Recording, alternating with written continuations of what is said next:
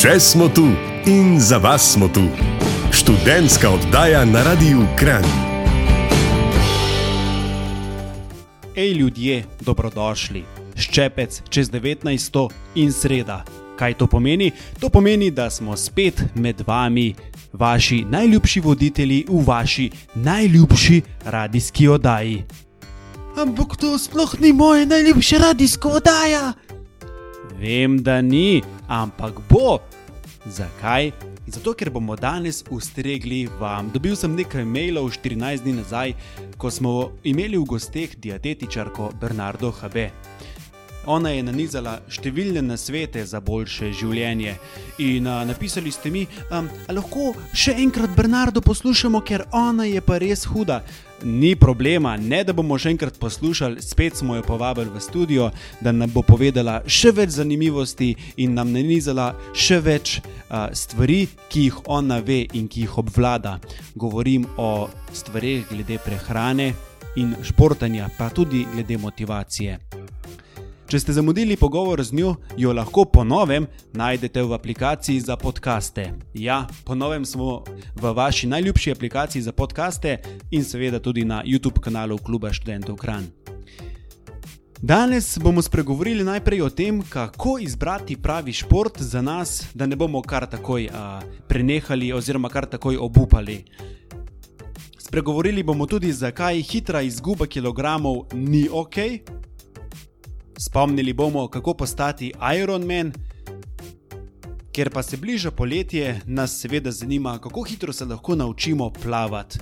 Itak, ko gremo v morje, nekaj migamo, ampak to je bolj namakanje. Kaj pa tista prava plavalna tehnika, koliko časa rabimo, da se jo naučimo? Spregovorili bomo tudi o gorskem maratonu in tudi. In če ravno pripravljate večerjo in ne veste, kaj boste naredili, potem radio na glas. Nanizali bomo nekaj večerij, naša dietetičarka Bernarda HB pa nam bo povedala, katere večerje so ok in katere ne. Pestro bo, tudi glasba bo super, Lorenz HB bom z vami do 20. ure in neskončno srečen sem, da ste tudi danes v naši družbi. Še smo tu in za vas smo tu.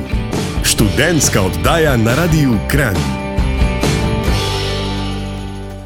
Dobro večer, lepi ljudje. Če obiščete YouTube kanal Kluba študentov Kran, lahko prisluhnete številnim oddajam. Med drugim smo gostili tudi fitneserja, kandidata za mistra Slovenije, zaposlenega na Centru dobrega počutja, socialno pedagoginjo in druge zanimive goste z področja kvalitetnega bivanja. Danes pa gostimo nekoga, ki uči, kako je treba živeti in predvsem jesti. Z nami je dietetičarka Bernarda HB, sicer tudi profesorica in tista ženska, ki vam v laboratoriju vzame kri. Sicer tega ne delaš več, ne? Ne, um, zamenjala sem svoj poklic dve leti nazaj, približno. Uh, prej sem bila v diagnostičnem laboratoriju in sem res imela tudi kri med drugim. Um, sedaj pa že drugo leto učim na srednji šoli za farmacijo, uh, kozmetiko in zdravstvo in poučujem uh, hematologijo in fizikalno-kemijske tehnike, kjer se ne tudi učimo tega, ne med drugim tudi kako vzeti kri um, pacijentov. No, to je za današnjo oddajo čist preveč strokovno, bolj pa me zanima, Bernarda, um, za nas, za laike, s katerim športom je pametno začeti, kako izbrati pravega za nas, da ne bomo po prvem treningu obupali. Si tudi Ironman, to pomeni, da si pretekla mnogo enih kilometrov, preplavala mnogo enih kilometrov in prekolesarila mnogo enih kilometrov hkrati. Kako začeti? Um, v bistvu ni hkrati, ampak je eno do drugim. Ne, najprej, najprej plavaš, potem greš na kolo in potem tečeš. Kako začeti, ne, si me vprašal. Um, pomembno je, da izberemo nek šport, ki nas privlači, a ne nekaj, kar nam je všeč in nas povleče. Ne, upoštevati moramo tudi, če imamo kakšne omejitve. Ne, ali kakšne poškodbe, morda preveč kilogramov, um, kakšne telesne, fizične omejitve. In um, vse to uh, moramo pri izbiri športa upoštevati. Zdaj, če je nekdo nek začetnik, ki nima veliko izkušenj, uh, se seveda priporoča kaj bolj, um, kaj blažjega, kaj lažjega. Čisto preprosto lahko prav vsak začne s hojo. Recimo, um, si vzame pol urce na dan. Um, časa in gre na sprehod. To je v bistvu neka taka aktivnost, ki ni tako zelo obremenjujoča za telo, in hkrati je um, povzroči ne, nek um, odziv telesa in povi, lahko povišen srčni utrip. Um, Pospešeno dihanje in se telo navadi na nek napor, postopoma lahko še boljše, če vključimo še kakšno hojo v hrib, da se še bolj zadihamo, tudi krepimo um, še druge mišice, s tem, ko hodimo v hrib, potem lahko počasi začnemo s tekom. Zelo dobro je, da vključimo tudi kakšne vaje za moč, da okrepimo še mišice. Um, druge opcije da so, so, da se vključimo v kakšno skupinsko vadbo, ki ni preveč intenzivna, ker največkrat se ljudje um, odnehajo zato, ker jim je pretežko. In to je pomembno, da zberemo nekaj takega, kar um, je ravno, praviš, ra, ravno pravšnji izziv. Da ni prelahko in da ni pretežko. Ne, tukaj smo si tudi ljudje spet zelo različni, imamo različne stopnje um, predispozicije, oziroma ne, nekdo je v boljši formi, nekdo je v slabši, in um, zato moramo to upoštevati, ko izbiramo nek šport. Ne. En šport, skratka, ki ti ni v breme. Tako, ki ti ni v breme uh, in te nekako um, zmotivira, da si želiš iti po, potem tja. Zelo veliko krat ljudem po, veliko pomeni tudi to, da so v družbi in, um, in hodijo potem na kakšne skupinske vadbe, že zaradi družbe, ker se, ma, ker se srečajo tam s prijatelji, spoznajo nove ljudi, malo poklepetajo in jih tudi to um, nas pravi v dobro voljo, ne tudi samo druženje, ne samo vadba. Um, tako da tisti, ki je še bolj družaben, um, mu je to še v večje veselje. Um, priporočljivo je tudi sprobati različne športe, oziroma da, smo, um, da nimamo samo ene aktivnosti, ampak da um, izvajamo različne vadbe, ker na ta način tudi vključimo um, lahko celo telo. Um, ali pa zberemo tako vadbo, kjer se celo telo razgiba. Recimo, zelo fajn šport je tudi plavanje, kjer, kjer ni nekih močnih obremenitev na sklepe, če so težave, um, drugače pa hoja, postopoma tek, kolesarjenje, uh, vaje za moč, vse to je v bistvu dobrodošlo. Človek je narejen za to, da giba in um, ne za to, da sedi. Ja, ko se človek vpraša, kdaj naj bi začel, kdaj, kdaj se lotiti tega, je v bistvu odgovor preprost. Danes, zdaj. Ja, uh, tako je. Ko se um, najboljše se je lotiti neke aktivnosti um, takoj, oziroma že od mladega. Človek bi lahko že od majhnega um, imeti neko aktivnost. Ni nujno, da je to neki treningi, neke. Um, vodene vadbe. Ne? Lahko je to preprosta hoja ali pa malo telovadbe zvečer. Um, v bistvu vsak dan bi moral nekaj, uh, nekaj narediti na tem področju. Um, tako smo narejeni, da se moramo gibati. Je pred glasbenim predahom sva rekla, da se v 21 dneh, v treh tednih že pozna, če uh, nekaj delamo za sebe, če športamo ali če pravilno jemo. Ampak veliko krat pa je želja po instant rezultatih večja, da bi radi izkušali čim prej. A je to mogoče? Kako na nek zdrav uh, način doseči, da so rezultati mogoče vidni, ali je možno, da so vidni še pred 21 dnevi? Um, možno je, ampak tukaj bi rada podarila to, da um, hitro hujšanje oziroma hitra izguba kilogramov ni priporočljiva. Ne, uh, obstajajo hitre diete, kjer lahko posameznik izgubi veliko kilogramov že v zelo kratkem času, ampak zelo veliko krat se tukaj zgodi ta tako imenovan jojo efekt. Ne, nekdo se zelo um, zmanjša količino energijskega vnosa na minimum, torej poje zelo malo in to zelo malo količino je recimo tri tedne in izgubi precej kilogramov. Ampak po teh treh tednih, ko se on vrne nazaj v svoj star ritem, kilograme pridobi uh, na osnovno težo ali pa še več, ne, torej še več kot jih je imel prej. Zato je tako hitro hujšanje um, prvič obremenjujoče za organizem in drugič ni, ni učinkovito, ne, ker se potem ljudje nazaj zredijo.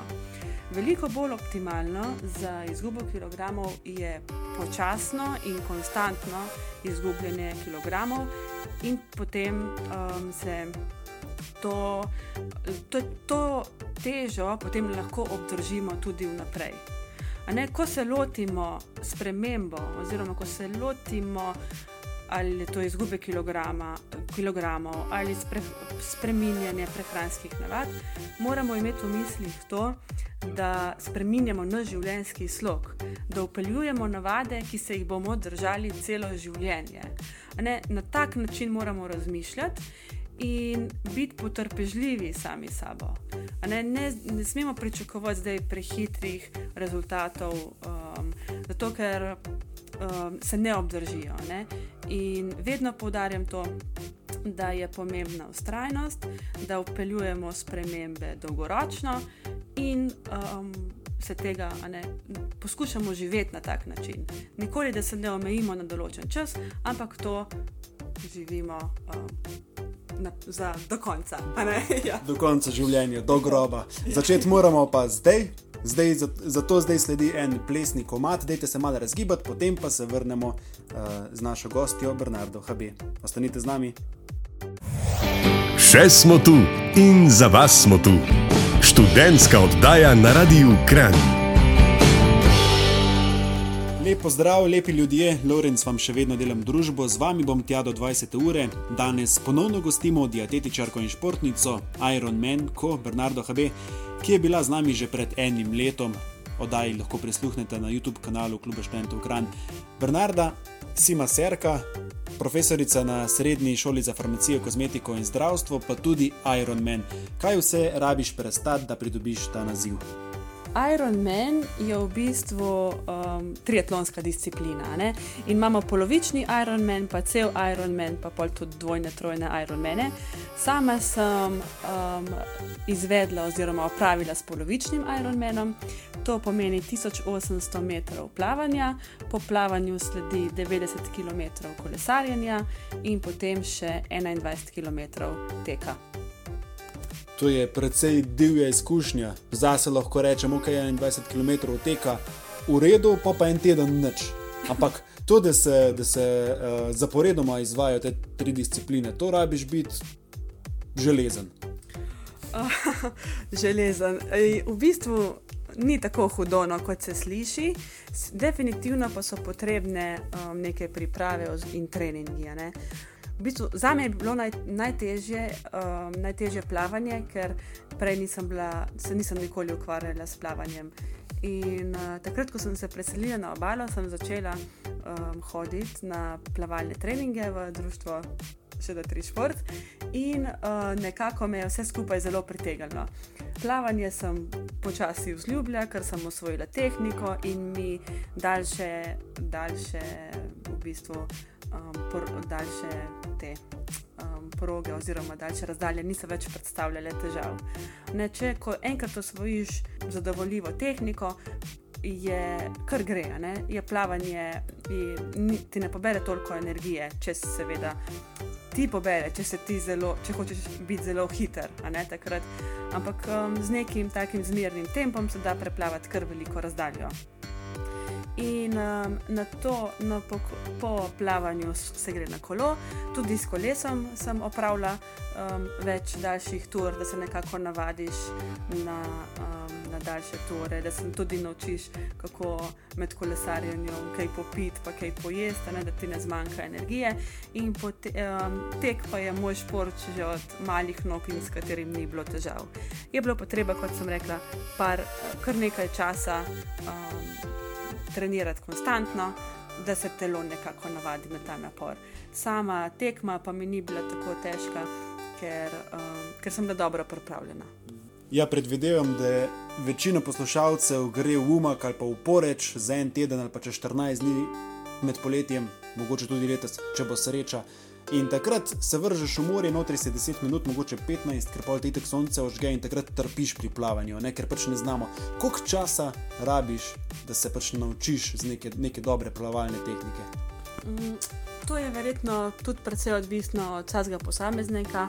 Um, za se lahko rečem, da sem rabila približno eno leto, da sem um, osvojila um, pravo tehniko. Čeprav še vedno nimam idealne tehnike, ne še vedno se stvari lahko, lahko um, izpopolnjujejo, lahko izboljšajo, ampak tako nekako, da sem brez, pro, brez težav prepravila recimo 2 km kravla, um, nekje eno leto treninga po dvakrat na dan. Verjetno pa bi marsikdo tudi že prej, ne recimo, kakšne pol leta. Um, ampak to tako govorim na pamet, ker nisem, ne, nisem plavalka in ne učim plavanja, ampak tako nekako si predstavljam iz svojih lastnih izkušenj, a ne pa lahko rečem, da sem rabila eno leto treningov, da sem se zares naučila. Ja, si pa gorska tekačica. Pretekla si maraton štirih občin. Kakšne spomine imaš na ta precej divji podvig? Zelo lepe, zelo uh, take slikovite. Uh, Gorski maraton štirih občin je izjemno, um, ima izjemno lepo traso. Ne greš čez več vrhov, um, večinoma trase je po gozdovih in uh, po naravi. In pot je res, um, res je lepa. In, in že to, ko si v naravi, te nekako napolni.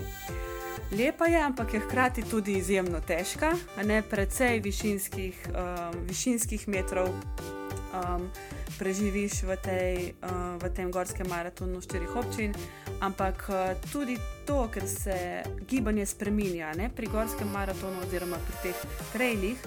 In so, um, ne tečeš vedno po ravnini, in to je čar. Malo tečeš gor, malo dol, malo ravninske, tako, uh, in ta um, hribovita trasa je iz enega vidika za telo bolj, manj, ne manj obremenjujoča, ker um, na različnih predeljih delajo različne mišice. ne, In ni konstantno, kot recimo pri ravninskem maratonu, ko, ko je 42 km same ravnine. Se mi zdi težje kot pa pri uh, gorskem maratonu, ko imaš malo tega um, razbremenitve umesane. Čeprav uh, naj povem še to, um, da pri gorskem maratonu ni, nisem pretekla cele proge. Redki so tisti tekači, ki tisti najboljši, seveda, pretečejo vse in uspone in spuste, ampak uh, velika večina pa nas. Vmes tudi hodi. Ne, pri gorskem maratonu imaš so dovoljene tudi palice, in si tudi s palicami lahko pri najtežjih usponih pomagaš. Um, je pa to, kot sem rekla, izjemno tako slikovita um, trasa in um, je posebno doživetje, zaradi tega, ker gre, delaš oziroma tečeš v naravi. Evo, če imate plan, če imate cilj, če, če ne veste točno kam bi šli, pojdite na gorski maraton štirih občin, seveda ustrezno pripravljeni, začni pa, začnite pa, kot smo že rekla, s hojo in tekom, mogoče danes, če greste peš okoli Brda. To je ena tako krasna pot in jaz mislim, da vam ne bo žal. Uh, ura je taka, da je večerja. Po naslednji skladbi bom Bernardi predstavil deset različnih večerij, ona pa bo povedala, katere so ok in katere ne. Zato ostanite z nami. Še smo tu in za vas smo tu. Študentska oddaja na Radiu Kran. Cenjeno poslušalstvo Kranskega radia, dober večer, Lorenz vam delam družbo, z mano pa Bernarda Habedija, tetičarka in tista gospodična oziroma gospa, ne bomo izdali, ki vam teži, da morate shujšati, če, ste, če niste zadovoljni s svojo postavo, ali pa če bi radi malo športali, pa nimate motivacije, tudi ona je pravi naslov za to. Um, če ste pri večerji, dober tek. Če ne veste, kaj bi skuhali ali popekali, ste na pravih frekvencah. Bernarda, zate sem pripravil deset različnih večerij. Ti mi, bo, ti mi boš pa povedala, če so te večerje ok ali pa če bi lahko bile boljše. Ok, super, kar začniva. Čokolešnik, se pravi, čokolešnik pa mleko. Čokolešnik bi opredelila z lahko bi bilo boljše. Čokolešnik ima precej um, sladkorja, a ne sploh ta um, kupljen čokolešnik. Lahko opcija je, da si naredimo nek domač čokolešnik, da recimo zmešamo drobljene kosmiče, pa lešnike, morda posladkamo um, z medom, dodamo mleko. Um, sicer pa je to boljše, bolj optimalen zajtrk kot pa večerja. Salama in sir, pa še malo kruha zraven. Je to v redu večerja? Mm, tudi ta večerja bi lahko bila boljša. Um, vsekakor bi bilo fino takemu obroku dodati še kakšno, recimo, svežo zelenjavo, recimo kakšno kumarico ali pa papriko, paradižnik, morda korenček.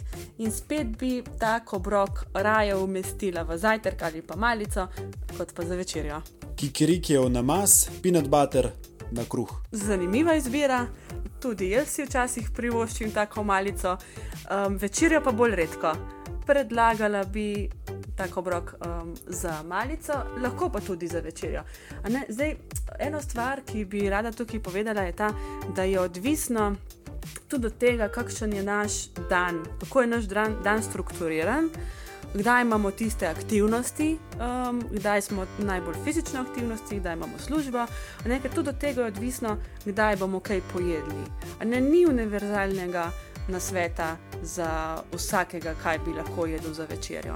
Če je nekdo imel recimo nek trening um, ali pa neko vadbo zvečer, bo drugačna večerja kot pa nekdo, ki je cel popoldne recimo sedel za računalnikom, delal in bo potem povečerjal. Torej, si izbor večerje pripravite vi sami, ker samo vi veste, kaj delate čez dan in kaj delate zvečer. Pa če gledamo zdaj spet malo na splošno, riž z zelenjavo in piščancem, je to ok večerja? To bi, bila, to bi bilo recimo zelo dobro kosilo. Um, morda pa tudi večerja v primeru večjih aktivnosti, večjih potreb, ali pa recimo, če gre, nekdo, če gre nekdo v nočno službo. Tudi v tem primeru bi bila taka večerja um, super. Kaj pa pašta s tuno? Nekaj podobnega, ne, kot, kot za prejšnji obrok. Tudi v tem obroku bi dodala še kaj zelenjave, ali solato zraven, ali morda kakšno zelenjavo v, v ob sam obrok. Premalo jemo zelenjave in uh, večinoma opažam, da je zelenjava na jedilniku bolj redko, um, ni nujno, da sploh vsak dan. Jaz pa vedno priporočam, da vsaj v dva obroka dnevno dodamo uh, svežo surovo zelenjavo. Surovo zelenjavo in ne pokuhano, popečeno, podušeno. Um, najboljše surovo, tudi toplotna obdelana je, je v redu, ne? ampak uh, največ v bistvu hranil dobimo iz surove zelenjave. Ok, pa peva na zelenjavo, krompirjeva solata z jajci. Ta, um, v redu, obrok, mi je všeč. Imamo tukaj v bistvu vsa makrohranila in oglikove hidrate in beljakovine in maščobe. Dober obrok, morda spet primeren, mečkan bolj za kosilo. Um, ne pa tukaj omenim še to, da so pomembne tudi količine. Ne? Ker um, neka ne prevelika količina je primerna. Recimo, tudi če imamo mi kosilo in večerjo isti obrok, recimo, da pojemo za kosilo, um, se nekaj skuhamo, pa nam ostane, pa jo lahko to pojemo še za večerjo, je čisto ok. Važno, da nismo mi, da tega količinsko preveč ne zaužijemo, da se potem to ne, ne nalaga v, v naše maščobne celice. -hmm. Ravno zdaj imam še en primer večerje, krompir in svinsko meso. Torej to meso, ki je ostalo od kosila, rekla si, da je ok, v manjši količini. Kaj pa avokado na mas, je v redu za večerjo? V redu, a ne zdaj um, spet bi rekla to, da, um, da moramo um, paziti na količino. A ne zdaj avokado na mas, recimo, marsikdo ga si ga um, naredi še kakšno zraven, kakšno zelenjave, morda zeleno, korenček, ne pa avokado na mas, je tako zelo, um, zelo hranilno živilo in je ok. Mogoče, ko se pogovarjava ravno o večerjah, še to, da večere ne smejo biti preobilne, a ne jim preveč težke, zato da mi po noči se dobro spočijemo in regeneriramo. Priporočljivo je, da je vsaj dve do tri urce, preden gremo spat, pojemo zadnji obrok, zato da se lepo prebavi in potem telo nima več dela s prebavljanjem med spanjem in je usmerjen v druge regeneracijske procese. In če mi gremo spat lahki, ne, da nimamo polnega želodca, um, se bomo veliko boljše spočili in regenerirali po noči, kot pa če se mi najemo tik pred tem, ko gremo spat.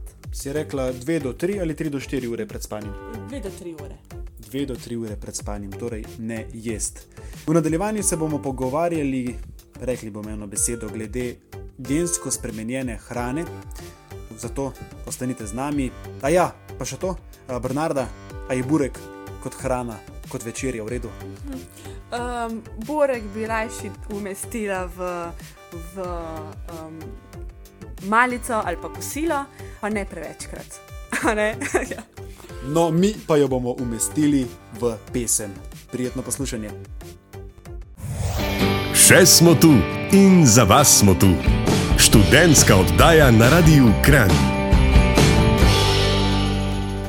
Lep pozdrav, lepi ljudje, dober večer. Če ste danes na naših frekvencah na Radiu Kran, potem boste se naučili veliko novega.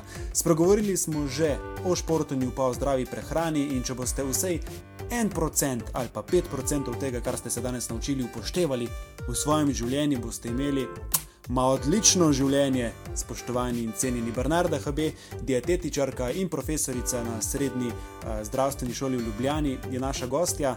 Uh, Bernarda, prej smo povedali, katere večerje so ok in katere niso. V naših jedilnikih pa se pogosto pojavi gensko spremenjena hrana. Uh, kaj to sploh je? A je gensko spremenjena hrana v redu? Mogoče te mečkam popravim, ni, uh, ne pojavlja se še tako pogosto na naših jedilnikih. Ne? Sploh ne uh, pri nas.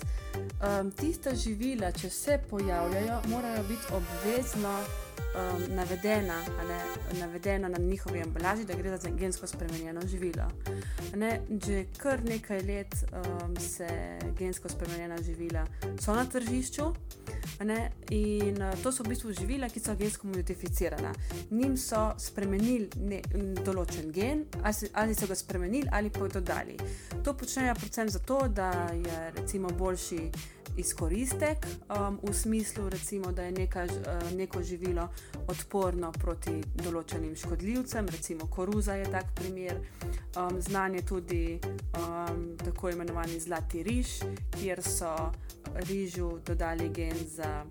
Um, sintezo vitamina A in so na ta način v bistvu preprečili pomankanje um, tega vitamina pri Kitajcih slabo, slabost pa je v tem, ker ne moremo nadzirati vsega, ne, ne moremo vedeti, kaj bo neka genska.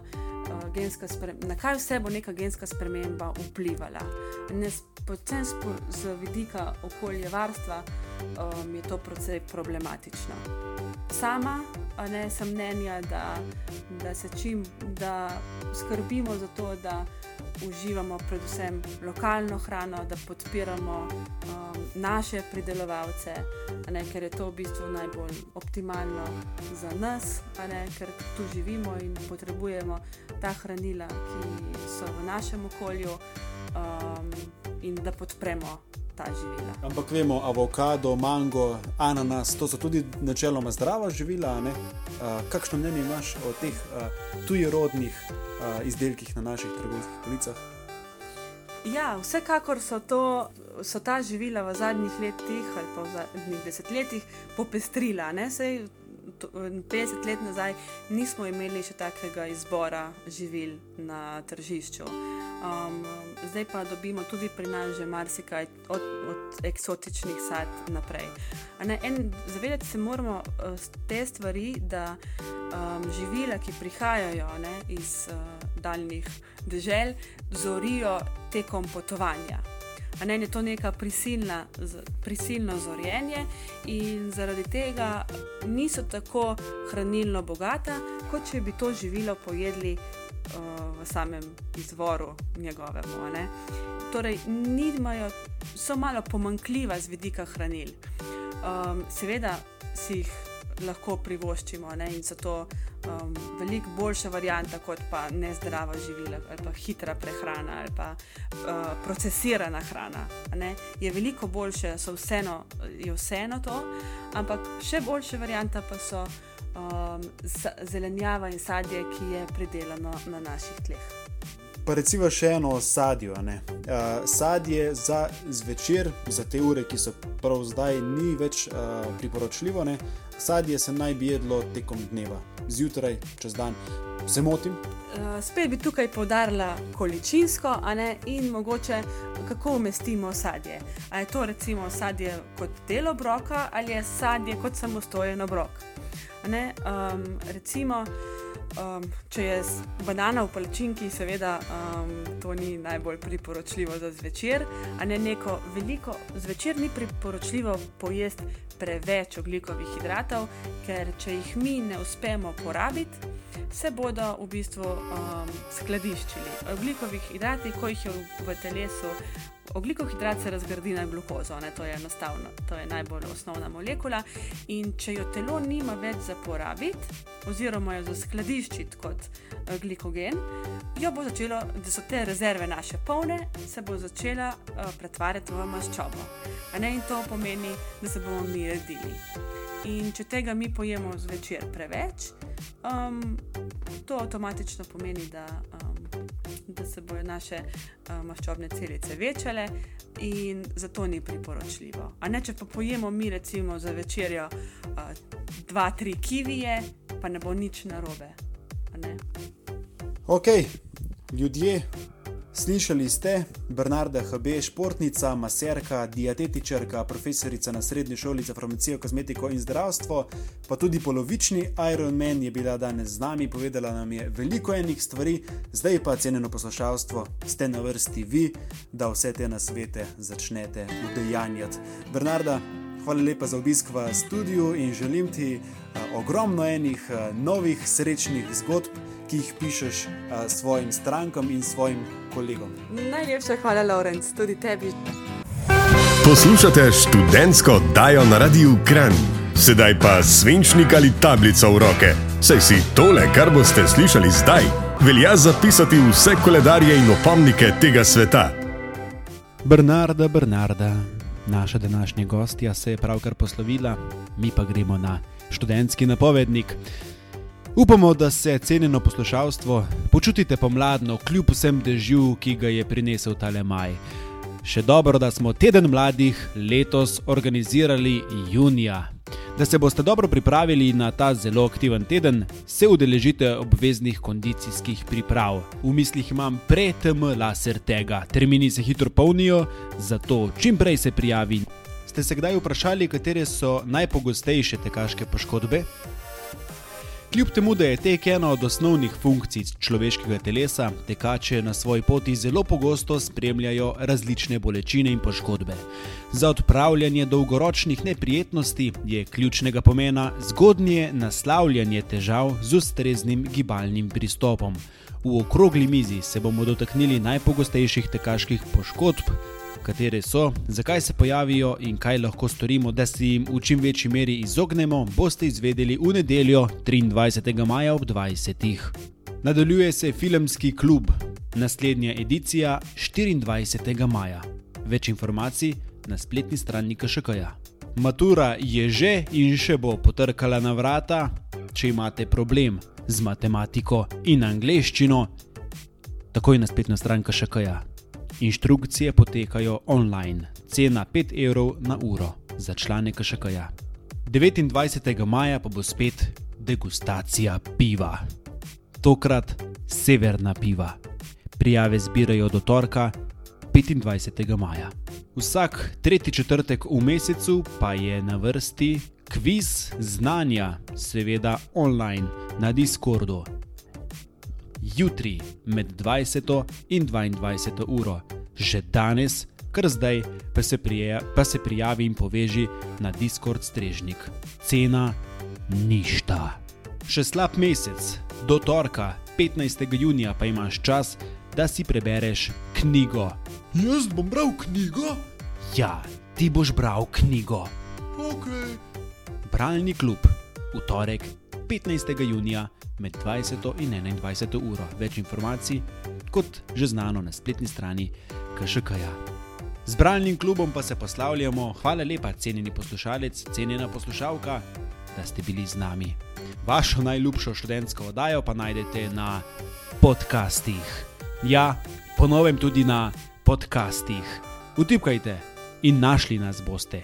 Ostajamo tudi tradicionalni na YouTube kanalu Kluba študentov Kran. Kljub študentov Kran vas ima rad, mož iz Trnovskega gozda Lorenz HB, se poslavljam z besedami. Da smo se danes dobro slišali, je poskrbela gospodična iz Police Praprotne, Anja Stare, tonska velikanka. Da pa ste slišali kaj pametnega, pa sem poskrbel Lorenz HB iz vrha Črnovrškega in se poslavljam z vami in se poslavljam od vas z mislijo Teodora Roosevelta, ki pravi: Usmeri svoje oči proti zvezdam, ampak ohrani svoje noge trdno na tleh. A ja, če se učite za moturo, ma ne gledati proti zvezdam, dajte rajčo knjige, uh, moj skromen na svet. Uh, hvala lepa, lepi ljudje, da ste bili z nami tudi nocoj in želim vam, da ostanete lepi. Poslušali ste študentsko oddajo Radia Kran. Vaše predloge in komentarje z veseljem sprejema urednik Laurence HB na elektronski naslov laurence.hb afna ksk.si. Še smo tu, vaš klub študentov Kran.